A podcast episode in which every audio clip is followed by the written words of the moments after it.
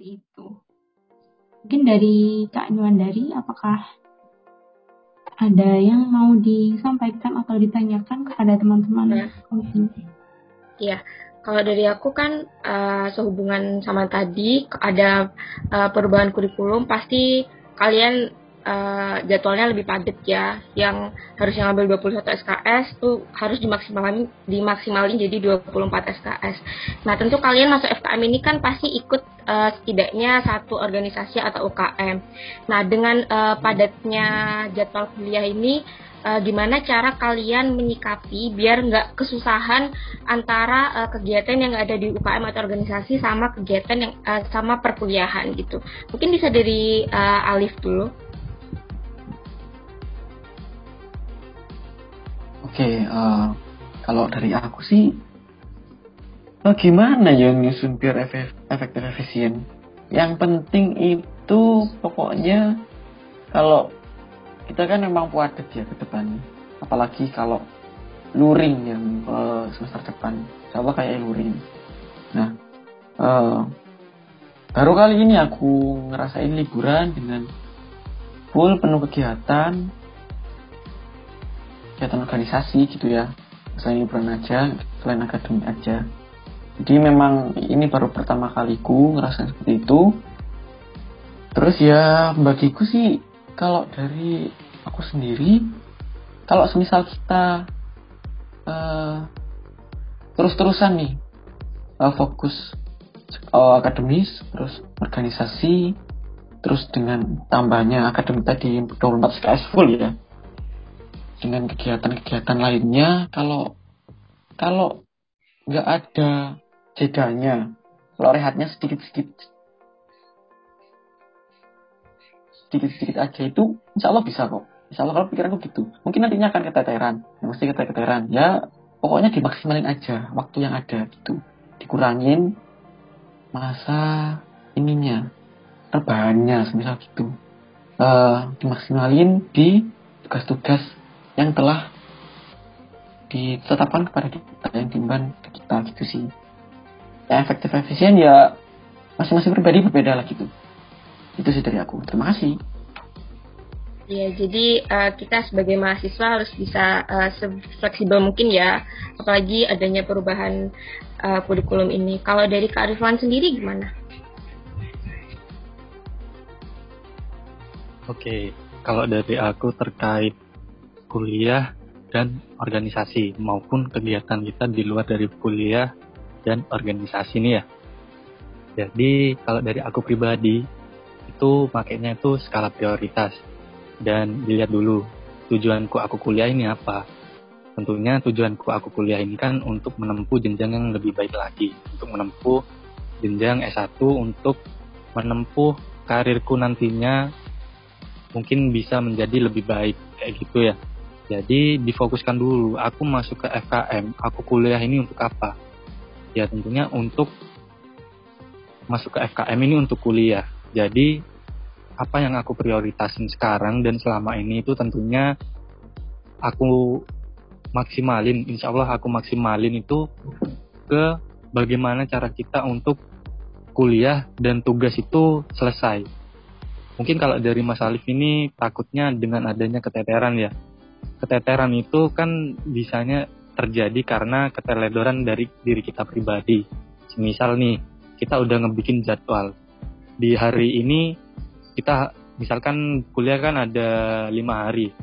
Di lima hari ini ada juga dari mata kuliah yang memberikan tugas. Nah, tugas ini kalau bisa setelah tugas itu diberi di hari itu juga diusahakan mungkin bisa selesai. Mungkin seperti itu ya dan kita juga membagi waktunya di organisasi kita kan ada waktu 24 jam nih.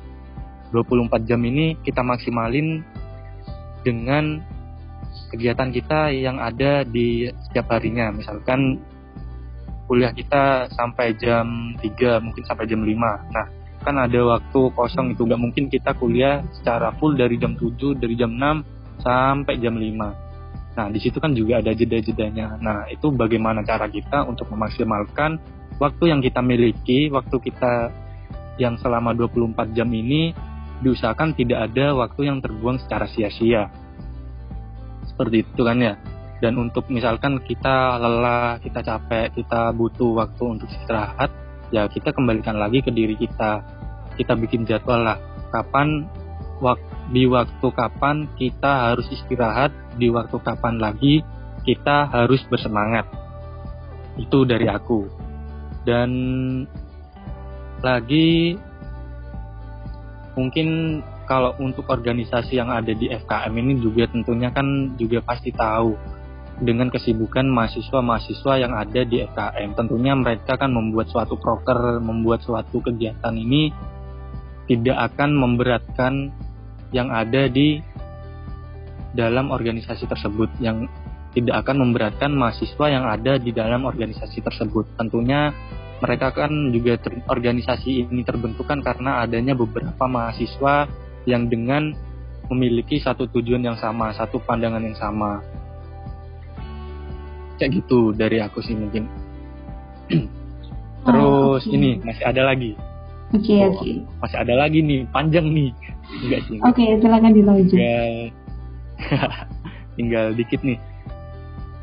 Jadi kan uh, untuk di organisasi itu kan kita juga ada beberapa proker itu yang di luar jam pastinya di luar jam ini sih tentunya di luar jam perkuliahan kan tentunya kegiatan-kegiatannya tentunya pasti dari teman-teman semuanya pasti kan ngambilnya di hari-hari libur apabila kayak jamnya ini di hari-hari efektif itu kan jarang banget ada UKM yang kayak gitu kalaupun ada misalkan kayak aku sendiri nih kayak aku pribadi di salah satu UKM.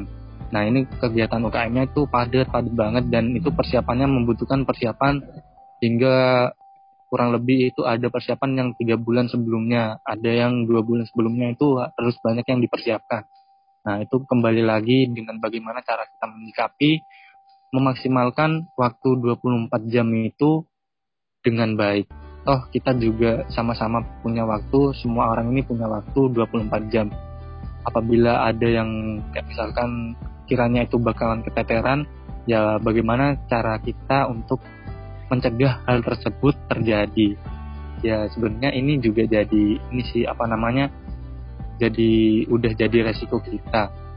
Kita masuk kuliah dan kita ingin mengikuti suatu organisasi tentunya kita harus bisa membagi waktu dan bisa menentukan apa yang menjadi prioritas dari kita. Mungkin itu sih dari aku habis jadi ngomong banyak banget ini jadi siraman rohani aku. Oke oke lanjut lanjut. Oke uh, terima kasih Kak Riflan atas jawabannya yang sangat uh, ini ya uh, memberikan kita juga pandangan baru terus dapat ujangan juga ya secara nggak langsung. Terus ini terakhir ya uh, ada nggak sih pesan dari Kak Riflan dan juga Kak Alif buat teman-teman di FKM khususnya teman-teman angkatan 2020, angkatan 2021 ataupun maba yang uh, habis ini masuk ya menjalani perkuliahan di FKM dengan adanya perubahan kurikulum ini. Apa ada pesan uh, buat teman-teman biar tetap semangat terus tetap berprogres seperti itu. Mungkin dari Kak Alif dulu. Oke, uh, mungkin pesanku ini sedikit aja ya. Uh, yang penting kita harus jadi orang itu cerdas. Tuh, orang cerdas itu selalu bisa beradaptasi dengan keadaan baru, gitu. Dengan uh, kemungkinan-kemungkinan baru, gitu. Yang mampu keluar dari zona nyaman tentunya.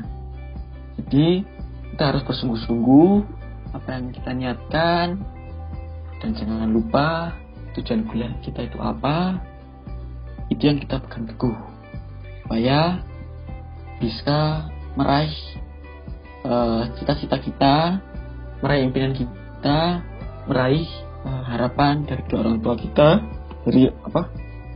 Uh, saudara-saudara kita pokoknya dari lingkungan kita. Begitu. Terima kasih.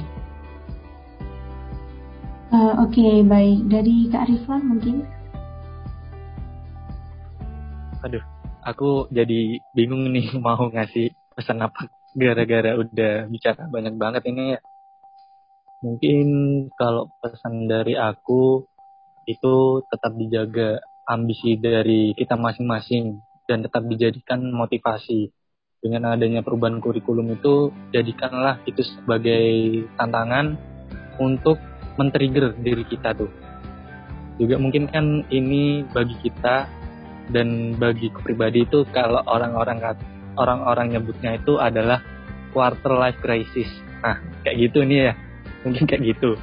Nah, di waktu ini tuh ini adalah suatu momen-momen yang gak akan terulang lagi, gak akan bisa kita dapatkan lagi di suatu saat nanti. Dan ini bakalan jadi kenangan gitu kan.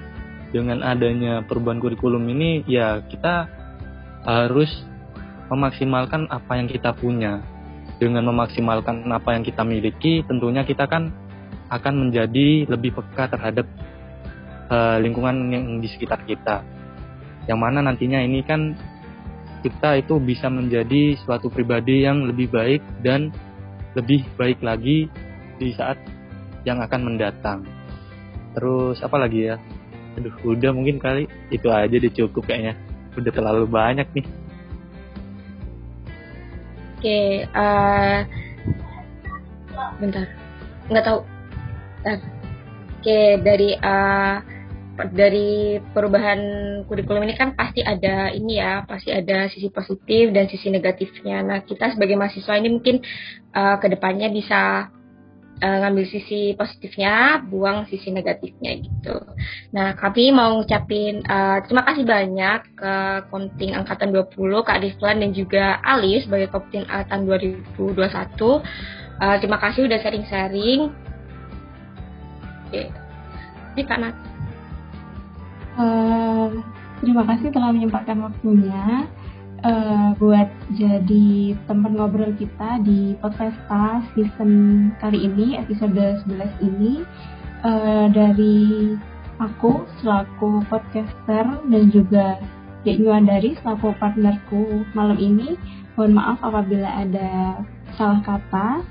Kurang lebihnya mohon maaf. Terima kasih. Sampai jumpa di Podfesta episode selanjutnya. Dadah. Terima kasih.